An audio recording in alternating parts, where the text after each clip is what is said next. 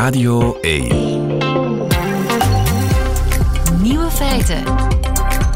Met Lieven van den Houten. Dag en welkom bij de podcast van Nieuwe Feiten van donderdag 9 juni 2022. In het nieuws vandaag dat corona gewoon kan binnenwaaien. Althans, volgens het stadsbestuur van de Chinese stad Dandong, die al maandenlang kampt met een nieuwe coronagolf. Al meer dan een maand moet iedereen er verplicht binnen blijven en toch blijven de cijfers maar stijgen. Hoe dat kon, bleef voor het stadsbestuur lang een mysterie, tot ze even naar buiten keken. De stad ligt namelijk op de grens met Noord-Korea en ook daar kampen ze met een grote coronapandemie. Begin deze week nog 73.000 extra gevallen van griepachtige symptomen, zoals corona daar heet. En dus is de conclusie van het Chinese stadsbestuur het virus dat komt overgewaaid vanuit Noord-Korea. Van over de rivier van enkele honderden meters breed die de twee landen scheidt. Daarom heeft het stadsbestuur nu een nieuwe coronamaatregel uitgevaardigd. Hou ramen en deuren gesloten om het virus buiten te houden. Tja, hadden wij dat in 2020 maar gedaan. De andere nieuwe feiten vandaag. Arbeidseconoom Stijn Baart die weet waar u de beste biefstuk friet kunt eten. Rimini had deze zomer gerekend op Oekraïense en Russische toeristen. En Rika Ponet beantwoordt de vraag van Charlotte, 29, wiens man nooit seks wil. De nieuwe feiten van Otto Jan Ham die hoort u in zijn middagjournaal. Veel plezier. Waar eet je de beste biefstukfriet van het land? Stijn Baart die maakt het zo meteen bekend. Goedemiddag, Stijn. Goedemiddag. Professor arbeidseconomie natuurlijk. En biefstuksocialist wou ik bijna zeggen, Aha. maar ik zie jouw gezicht al We met... leren bij. Eh, da- da- daarmee zou ik de waarheid geweld aan doen. Hè. Je hebt wel iets met biefstuk. Zeker, zeker. Dat wel. Van kindsbeen af trouwens. hè. Wij aten dat op woensdag en op zondag. Frietjes thuis en meestal met biefstuk erbij. Bij ons was het alleen op zondag. Mhm, Ja, en, en vaak de vrijdag en de, donder en de zaterdag passeerde er ook nog wel eh, op een of andere manier frietjes. En hoeveel biefstukken? Want jij hebt een soort van... Ja, je bent een soort van Michelin-maaltje Uh-huh. geworden. Hè? Eh, Zeg je dat wel, ja. ja je bent, eh, hoeveel biefstukken heb je de voorbije maanden gegeten? Ga, ik, ik kan het niet precies zeggen, maar ik, ik ben er een jaar geleden mee gestart op Instagram met er een score aan toe te kennen aan die biefstukken. En ik denk dat ik in de loop van het jaar toch een zestigtal zal gegeten hebben. Maar ik ben een zeer slechte recensent in dat De opzicht. voorbije maanden heb je 60 biefstukken. Ja. Mag ik even naar je buik kijken? Die is onbestaande. Hoe kan dat? Wel, ik wou zeggen, ik ben een heel slechte recensent en een van de zaken waaruit dat blijkt is dat ik momenteel in een sportdieet zit, zodanig dat ik de afgelopen weken eh, er geen heb gegeten. Dus die 60 dateren van eh, de, de, de 10 maanden daarvoor. En ik ben ook een slechte recensent in dat Dus dat dieet is, was nodig na die 60 Oh, biefstukken? Niet noodzakelijk. Nee? Het, het was een, eh, het, het, het was een van die vele ideetjes die ik had om eens te kijken van wat het met mijn lichaam zou doen mocht ik wat gedisciplineerder eten. Oké. Eh, was het van bij het begin de bedoeling om een soort van Michelin-gids voor biefstuk eh, te creëren? Niet echt. Ik ben een, eh, een late adapter van, van, van Instagram. Ik, in november 2020 maakte ik een account aan en dan moet je daar iets op zetten. En bij mij was dat dan gewoon een, een hartje met biefstuk, friet, rum, cola, zero. En dan is de tweede vraag, welke foto's plaats je op Instagram? En dan ben ik begonnen met daar foto's van de biefstuk friet op te zetten. En daar kwam heel veel reactie op. Eh, dus het idee is eigenlijk gaandeweg gegroeid. Precies. Maar je bent wel een, een biefstuketer. Bij- Voor jou geen gesofisticeerde liflafjes? Net dat. Ik denk dat de reden waarom ik er nu toch een, een sport van maak, om, om te recenseren en te quoteren, is ook een beetje ja, de tegenbeweging tegen het, de complexere keuken. Ik, ik heb het gevoel dat, dat mensen daar vaak hiërarchisch in denken. Dat ze zeggen, als ik voldoende centen heb en ik heb voldoende tijd, dan ga ik naar een, een sterrenzaak. Terwijl persoonlijk word ik daar eerder ongelukkig van. Van en zalfjes en bloemetjes eh, op je bord. Obscure besjes, Precis. En ingemaakte dennenappel, eh, schaafsels, je hebt natuurlijk meer de gaaf van het woord dan ik, maar affectief gefermenteerde dat- schurftsoorten. Precies, en, en dat is dan ook half koud. Als het op je bord komt, hetgeen dan warm zou moeten zijn, omdat het er met de hand dan is opgelegd. Eh, Ik word daar zeer ongelukkig van. Ja, en, en ook de eh, pretentieuze ambiance, neem ik aan. Waar, waar, Ook dat, dus degene die bij mij het beste scoren, die, het pretentieloze, loopt daar inderdaad door als een rode draad. Het pretentieloze, oer-Belgische biefstuk friet. Brutale. Brutale, want ja, een beetje slecht voor de planeet ook wel, hè? Is dat geen probleem? Ja, ja eh, vast wel. Hè. En eh, het, is, het is natuurlijk zo dat ik het niet elke dag doe, maar het cijfer van die 60 misschien op een jaar is, is vrij hoog. En ik, uh, ik besef dat niet iedereen daarvoor staat te springen, maar in vele andere facetten van mijn leven ben ik, ben ik best een, een groene jongen. Dus ik hoop dat het een beetje compenseert, maar ik zie aan u gezegd dat het niet heel overtuigend is. het, het, blijft een zonde natuurlijk, hè? Ja, maar die maken we allemaal, nee? Ja, eh, Augustinus was het, hè, geloof ik, die, die zei: Laat ons leven zonder zonde, maar liever niet vandaag. Mooi. Waar let je op? Als je gaat uh, biefstuk eten. We hebben al één ding genoemd. Het pretentieloze is voor mij heel belangrijk. Uh, dus rood-wit geblokte tafelkleedjes, geen probleem? Uh, bij voorkeur. Bij voorkeur. Uh, de, de obers in, in, de, in de witte schorten, bij voorkeur allemaal. Dus, dus geen, uh, ja, geen heel complexe dingen. Dat en daarnaast de smaak van de biefstuk friet spreekt voor zich. Een, een, rode draad in de, de, de zaken die ik de beste score heb gegeven op Instagram is dat zij geen opgewekte sauzen er moeten overheen gieten om een goede smaak te krijgen. Dat zij vaak de jus uit de pan, gewoon de boter. jus uit de pan erbij, ja, dat is vind ik van Wel, als het vlees goed genoeg is om er gewoon jus uit de pan bij te hebben, dan is dat vaak een goede biefstuk. En de frietjes, wat mij betreft, niet te dik, niet te hard gebakken en het liefst in ossewit. Ik eh, kan vaak een zaak binnenkomen waarin ik zeg tegen de uitbater, ik vermoed dat uw frietjes in ossewit gebakken zijn, gewoon op basis van de geur die er hangt. En het klopt bijna altijd. wat is het verschil ah, in smaak? Ja, ossewit geeft een, heeft een specifieke sterke smaak aan de frietjes, waarbij als ze half lauw zijn, dat ze toch nog krachtig smaken.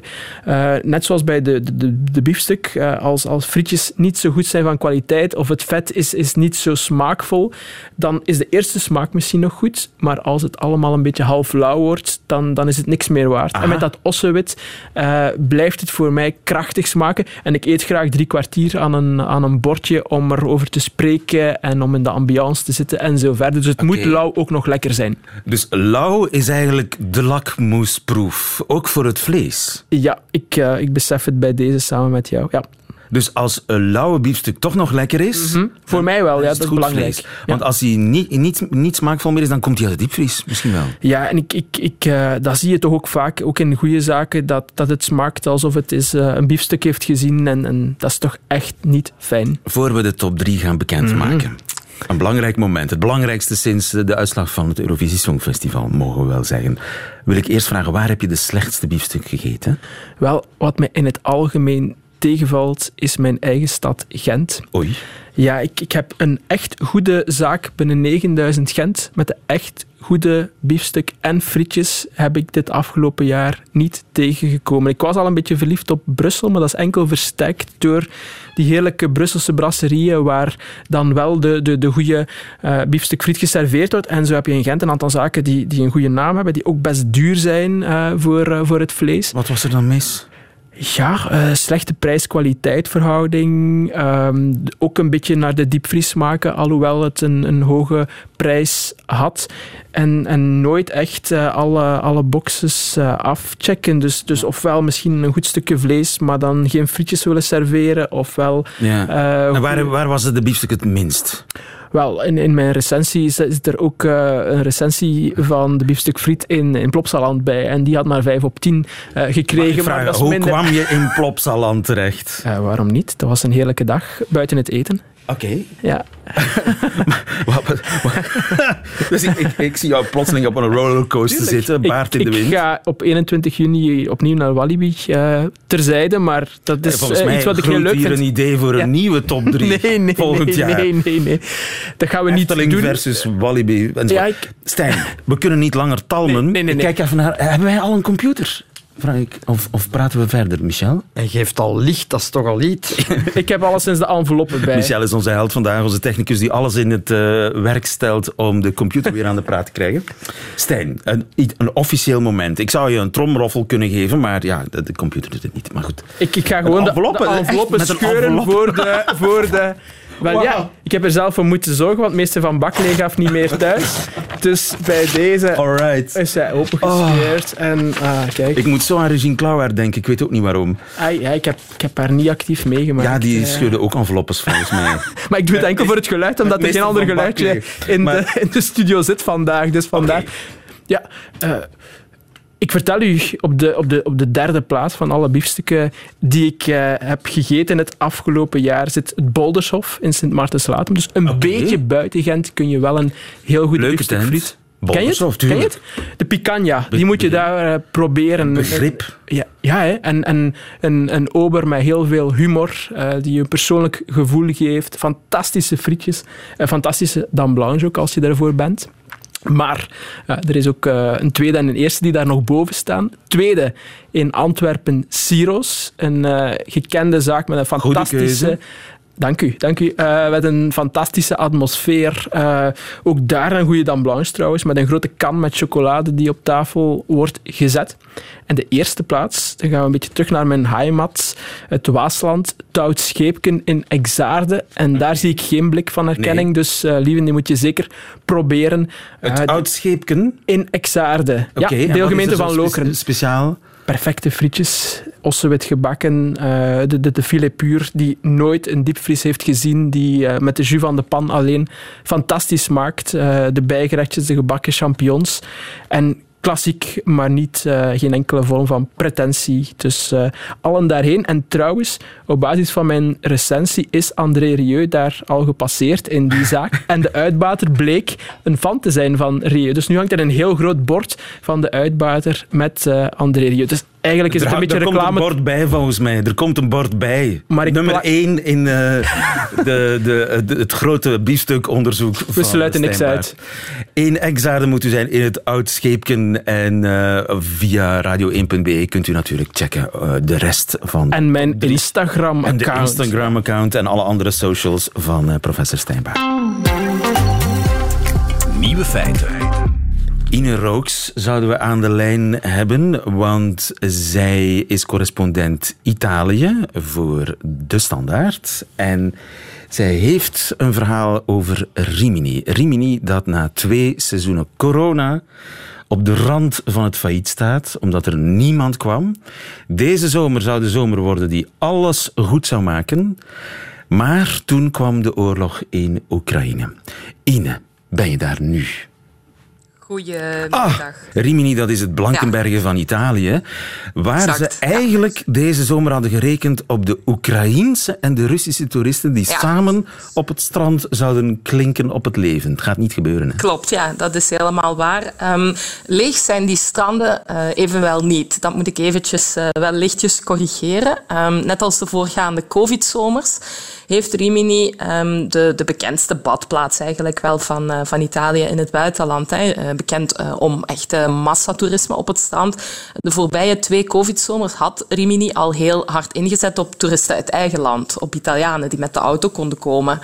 Maar eh, en het buitenlands toerisme is eh, zeker de voorbije jaren weggebleven. En dit jaar moest een topzomer worden, ook voor buitenlandse toeristen.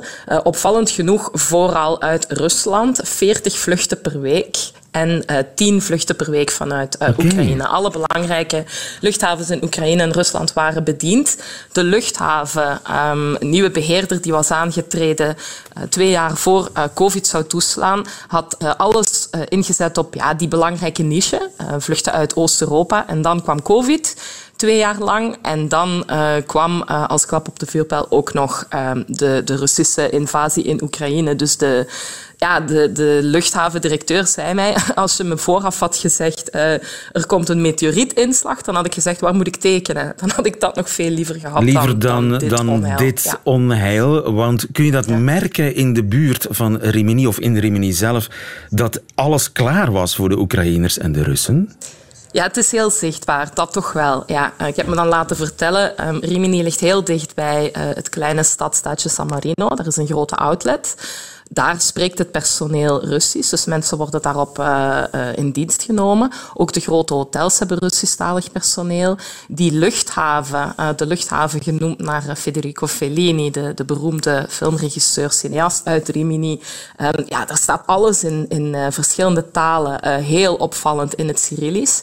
Op die luchthaven, wat ook toch wel duidt op hoe, hoe groot die, die zakelijke banden waren, zijn tussen Rimini en Rusland. Is ook een bureau voor toerisme uh, in Sint-Petersburg. Dus uh, de twee richtingen. Hè, want ja, een vlucht moet natuurlijk ook terug naar Rusland en liefst niet leeg. Dus de bedoeling was om ook het Italiaanse toerisme naar de stad Sint-Petersburg te promoten.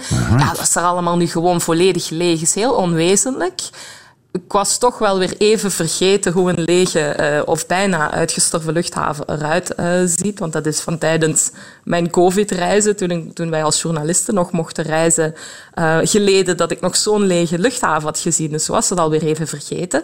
En ook al die winkels zijn dicht. En Russen waren graag gezien. Niet alleen uh, omdat ze ja, dus die belangrijke hub, omdat die luchthaven op hen inzetten, maar ook omdat ze veel geld uitgeven als ze komen, werd me verteld. Dus de luchthavendirecteur zei dat ze per vlucht gemiddeld 25 euro uitgeven aan handtassen, aan typische Made in Italy lederwaren, kleren enzovoort. En al die winkels die ook heel belangrijk zijn als bron van inkomsten van die private uh, commerciële luchthaven, die waren ook allemaal potdicht. Dus ja. ineens van februari, van, uh, vanaf de Russische invasie in Oekraïne, van vandaag op morgen werden ineens dus tientallen dagelijkse vluchten geschrapt. Ja. En wat betekent dat voor de ja, Riminese middenstand? Mm -hmm. -hmm. Wel, die, die zet dus, zoals gezegd, um, alles weer in op de Italianen, ook op de Duitsers. De Duitsers kunnen makkelijker Italië bereiken, zeker het noorden van Italië, met de auto en doen dat ook massaal. Maar het opvallende was dus, ja, het zal wel een goede standzomer worden voor Rimini, dat hopen ze dan, maar geen uitzonderlijk uitstekende. Uh, veel uitwaters hadden gehoopt om de grote verliezen van de laatste jaren te compenseren en nu echt uitstekend uh, te kunnen inzetten op massale, uh, ook buitenlandse toeristen. Want ja, er zijn dan wel pleidooien opgegaan tijdens COVID van laten we allemaal anders gaan leven en reizen, maar er is hier in Italië alvast heel weinig van te merken. Ik woon en werk vanuit Rome. ja, ja, het massale toerisme is weer compleet terug. Ja. Het is al uh, behoorlijk heet en straten lopen gewoon weer vol als vanouds. Dat zal in Rimini wat betreft de Russen en de Oekraïners en voor die luchthaven totaal niet kunnen gebeuren. Dus het seizoen is al volop bezig. Dus het wordt weer inzetten voor de hotel. En voor die luchthaven is dat dus dramatisch, want die kan niet inzetten op Italianen. We hebben heel weinig lokale vluchten, vooral internationaal. Heel weinig binnenlandse vluchten.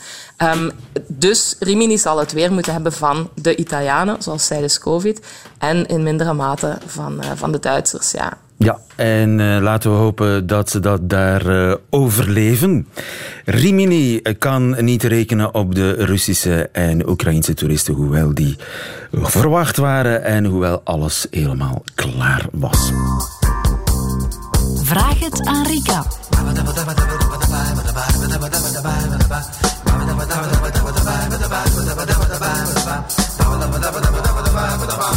En zoals altijd op donderdag is hier relatiedeskundige Rika Ponet om antwoord te geven op al uw vragen. Al uw vragen zou een beetje moeilijk zijn, want er zijn er heel veel binnengekomen en we pikken er altijd maar eentje uit.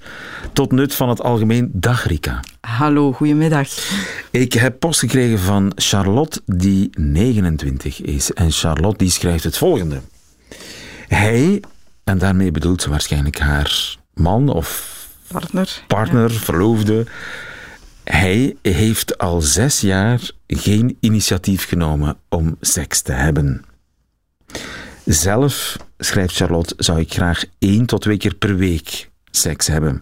Maar ik probeerde om één keer per twee weken intiem te zijn, maar hij wijst me ook dan af.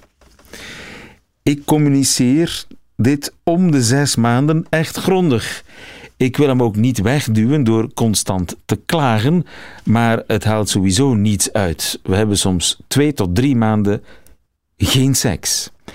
Ik ben daardoor gefrustreerd en wil als 29-jarige meer van mijn liefdesleven. Ik lig nu vaak met de vraag, of ik lig nu vaak met de vraag. In bed waarschijnlijk. Oh ja, ik lig nu vaak in bed met de vraag of ik zo verder wil leven. En het antwoord is nee, maar ik wil niet weg van hem. Ik zie hem graag. Dilemma voor Charlotte. Ja. Wat is hier aan de hand? Zoveel cijfers. Ja, ja, ja, ja, ja, boekhoudster misschien Ja. wel, Charlotte. Ja, en dat is toch betekenisvol, denk ik. Ik heb de indruk dat ze ehm, heel hard gefocust is op die seksfrequentie. Hoe vaak doen we het? Ik hoor eh, nergens iets over de kwaliteit van die seksualiteit. Ik hoor alleen maar iets over hoe vaak wil hij het, hoe vaak wil ik het. eh, hoe vaak word ik daarin afgewezen? Maanden, aantal keren per week. Ehm, Ja, maar goed, ze is 29. Ik begrijp dat. Ehm, ik Eén denk, keer om de drie maanden. Ja, ja, dat, Als de, als de hormonen nog eh, volledig gieren. Ja, Goh, ik denk dat je daar soms wel van verschieten, lieve Mappo. Ehm, leeftijd speelt daarin mee, maar is niet altijd de belangrijkste indicatie voor ehm, ja, seksfrequentie. En, Maar hoor ik jou nu zeggen, dat eigenlijk is er niet zoveel aan de hand. Toch wel. Ik denk dat er een, een onderliggend probleem is. En als zij het heeft over eh, seks, dat waar ze het eigenlijk over heeft, het feit is dat hij haar afwijst. En dat ze het gevoel heeft, als hij haar afwijst, dus als hij met haar niet wil vrijen, eh, zij verbindt daaraan, dat raakt haar denk ik in een diepere hechtingsbehoefte. Eh, ziet hij mij graag? Wil hij mij wel? Wil hij deze relatie? En ik denk, elke keer als hij met haar niet wil vrijen, en daar zit een, een duidelijk patroon in, of hij wijst haar daarop af, dat zij telkens het gevoel heeft, er schort iets aan die relatie. Dit is geen veilig relatieklimaat.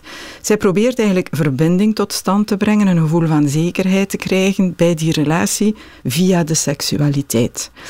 Ehm, dus ik vermoed dat er aan die verbondenheid iets schort. En dat het daar eigenlijk ook over moet gaan. Een raar advies, maar ik denk dat ze beter even stopt met uh, denken of nadenken over frequenties, over de seks. Dat ze de seks beter even laat voor wat het is. En uh, ik vind het een veel interessantere vraag om te horen: uh, zijn jullie op alle andere momenten in jullie relatie goed afgestemd op elkaar? Zijn er gesprekken van betekenis? Kan je jezelf zijn? Kan je gevoelens met je partner bespreken? bespreken? Voel je je thuis? Veilig. Voel je je thuis bij, hè, bij, bij je man of bij... Kun je met hem niks doen? Hè? Ja, dat is het eigenlijk. Dat hè? is het eigenlijk. Um, je hebt, hebt, heel veel mensen om dingen mee te doen, vaak. Ja, maar uh, die ene waarmee je niet kunt, kunt doen. doen. Chillen in de zetel en ja. zwijgen bijvoorbeeld. Of in stilte eten, zonder dat er ongemak is. Ah, dat is fantastisch, hè? in stilte kunnen eten zonder dat er ongemak is. Dat wijst erop dat er veiligheid is in het contact. Hè? Dat, uh, dat vind ik een veel essentiëlere vraag. En ik vermoed dat er daar een aantal dingen zijn die niet zo snor zitten. Hè? Die, um, en dat maakt dan dat telkens als zij seks vraagt, dat eigenlijk een vraag om verbinding is. En hij dat waarschijnlijk ook een stuk door heeft of zo aanvoelt van eigenlijk gaat het niet over seks wat ze nu vraagt, maar um, ja, ze verwacht van mij een soort van engagement of een soort van verbinding die ik niet op de andere momenten in onze relatie een ervaar. Bewijs. Een soort van bewijs. En ik ervaar die verbondenheid niet uh, in de rest van de relatie, waardoor, het, uh, waardoor ik eigenlijk geen zin heb in seks met jou, hè, waardoor ik geen zin heb om te vrijen. Seks is het sluitstuk. Hè. Het kan een motor zijn naar meer verbinding, maar als er echt onvoldoende verbinding is binnen een vaste relatie, en dat is dit, dan, um, dan loopt het heel vaak mank uh, wat seksfrequentie of afstemmen op seksuele ja, Dus jij vermoedt betreft. dat die relatie eigenlijk niet, niet helemaal scheef zit? Ja, ik denk Maar dat, dat is een vermoeden, want... Uh, ja, maar zoals het Zou het ook kunnen dat die relatie helemaal goed zit, maar dat die man gewoon uh, niet, dat... niet aseksueel is, zoals dat ja, heet? maar dan praat je daarover. Ja. Uh, wat zie je altijd opnieuw? Als mensen hun seksualiteit um, problematiseren, dan is er een onderliggend probleem. Seksfrequentie, jij zei daar juist van, ah, die is nog maar 29, dat is toch logisch dat hij vaker seks wil. Um, ja, uh, maar dat is altijd een afstemmingsverhaal. Uh, we hebben ook niet op hetzelfde tijdstip honger. Uh, dus het is ook logisch, als ik zin heb en ik vraag aan jou om te vrijen, dat het antwoord ja of nee kan zijn. Um, maar als het goed zit tussen ons, dan komt er meestal een ja. Komt er soms eens een nee, dan ben ik daar ook oké mee. Dan probeer ik er misschien voor te zorgen dat er een ja komt. Of dan is dat bespreekbaar, want ik zou graag dit of, of dat hebben. Hier is het duidelijk iets dat niet bespreekbaar is. En na zes maanden telkens opnieuw probeert ze de, of het gesprek ten gronde te voeren, maar dat haalt niets uit. Ik heb het gevoel dat er vooral stilte is, uh, vermijdersgedrag aan de andere kant. Um, en dat zij, en dat is, daarom zit zij ook zo gefocust op die cijfers, het alsof dat ze er een agenda bij, uh, bijhoudt zij echt de achtervolger, zoals ze dat in het Engels zeggen. De pursuer is degene die um, heel de tijd in haar hoofd ook bezig is met uh, hoe vaak hebben we nu al gevreden, hebben we al gevreden, en daar eigenlijk aan verbindt, uh, als we niet vrijen, dan uh, voel ik me heel onzeker, of dan heb ik het gevoel ja. dat hij me eigenlijk niet zo graag Dus het is eigenlijk een soort van sideshow, zeg maar, terwijl het, ja. het echte drama zich Daaronder elders... zit, zich elders afspeelt, veel fundamenteler is. Ja.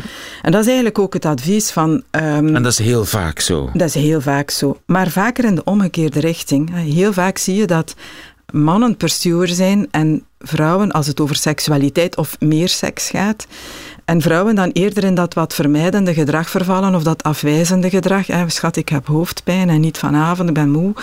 Uh, waarom? Omdat zo'n vrouw dan tijdens de dag bijvoorbeeld niet die verbondenheid voelt. Hè. Ja. Tijdens de dag krijg ik geen blik of een, een snap en een snauw. En s'avonds wil hij dan seks. Ah nee, zo werkt ja. het niet. Hè. Ik voel mij niet verbonden, heb ik ook geen zin om aan jou te vrijen. Just. Hier is precies een beetje het om... En dat kan, hè. Dat, is, uh, dat is zeker niet typisch mannelijk of vrouwelijk gedrag. Dus hier lijkt mij het omgekeerde aan de hand te zijn. Dus wat is de boodschap? Uh, probeer um, ja, tijdens al die andere momenten, dat zijn er heel veel. Hè, want seks inderdaad, als het gaat over twee keer in de week, ja, reken dat eens uit in tijd. Dat is niet zo fantastisch veel tijd in uw relatie.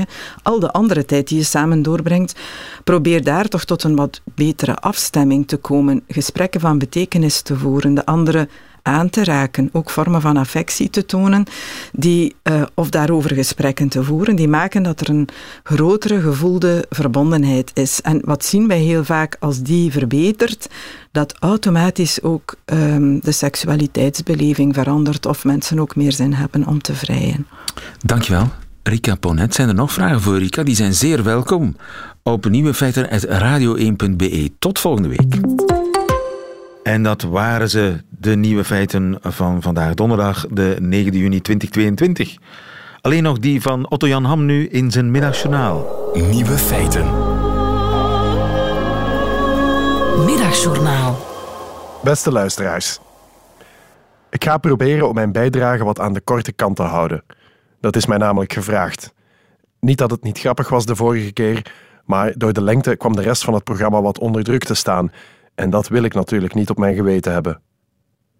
Ik weet dat ik vaak te veel zinnen gebruik om te verhullen dat ik eigenlijk weinig te vertellen heb. Ik moet het van dat soort trucken hebben. Maar vandaag dus niet. Want vandaag is het donderdag. En dan komt seksuologe, schrijfster en relatie-expert Rika Ponnet altijd langs bij Nieuwe Feiten. Vorige week behandelde ze een ingezonden brief van iemand die Kevin heette. Wat de vraag precies was, dat weet ik niet meer. Maar ik herinner me dat ik als buitenstaander vond dat de wederhelft van Kevin, waarover hij zich met enige gêne bekloeg, een vervelende troela was die veel aandacht nodig had. En Rika Ponet was het met mij eens. De conclusie van Rika was dat Kevin verder moest met zijn leven en dat hij snel moest gaan daten met andere vrouwen. Daarbij ging ze volgens mij nogal snel voorbij aan het feit dat Kevins over het algemeen de vrouwen niet voor het uitkiezen hebben. Maar voor hetzelfde geld was Kevin gewoon een schuilnaam. En voor datzelfdezelfde geld had Rika die hele brief zelf geschreven als voorzet voor haar wekelijkse rubriek. Weet ik veel, ik ben geen expert. En al helemaal geen relatie-expert. Alhoewel, laatst vroeg een vriend mij of ik thuis ook zo vaak ruzie had met mijn lief. Ik zei dat dat wel eens wou gebeuren, dat mag u best weten. Maar ik ga daar altijd vrij goed mee om. Ik geef u even een unieke inkijk in hoe wij ruzie maken. De ene vraagt dan aan de ander of er iets scheelt, waarop de andere zegt dat er niets scheelt, maar uiteindelijk scheelt er wel iets. En binnen de kortste keren zit het er dan bovenhands op. Want waarom zou je vragen of er iets scheelt, wanneer als de ander dan zegt dat er iets scheelt en uitlegt wat er precies scheelt, je sowieso kwaad wordt? Mijn lief heeft de kwalijke gewoonte om erg overtuigd te zijn van haar gelijk. Wat ik ook zeg, ze wijkt voor geen millimeter. Nu moet ik er eerlijkheidshalve wel bij vermelden dat ze ook bijna altijd gelijk heeft, maar dat doet nu niets ter zake. Zeker niet bij een goede ruzie. En waar twee vechten, hebben twee schuld. Voilà. Wat ik dan doe, is dit. Ik wacht tot onze verhitte discussie een soort hoogtepunt bereikt. Dat ik bijna denk, oké, nu gaat ze dat keukenmes halen dat we anders nooit gebruiken. En dan laat ik een stilte vallen en dan zeg ik... Weet je wat? Ik aanvaard je excuses. Dit is een heel goede tip, mensen, maar pas op. Bij deze tactiek is timing heel belangrijk. Je moet wachten tot het punt waar je voelt dat de vermoeidheid bij beide partijen wat toeslaat. Slechts dan kan je de situatie ontmijnen. Als je dat te vroeg zegt, dan gaat je partner effectief voor het keukenmes. Of, en ik spreek misschien uit ervaring, springt ze in de auto en rijdt ze naar een vriendin. Iemand die haar wel begrijpt. Kijk, twee relatie-experts voor de prijs van één. En ook net binnen de tijd.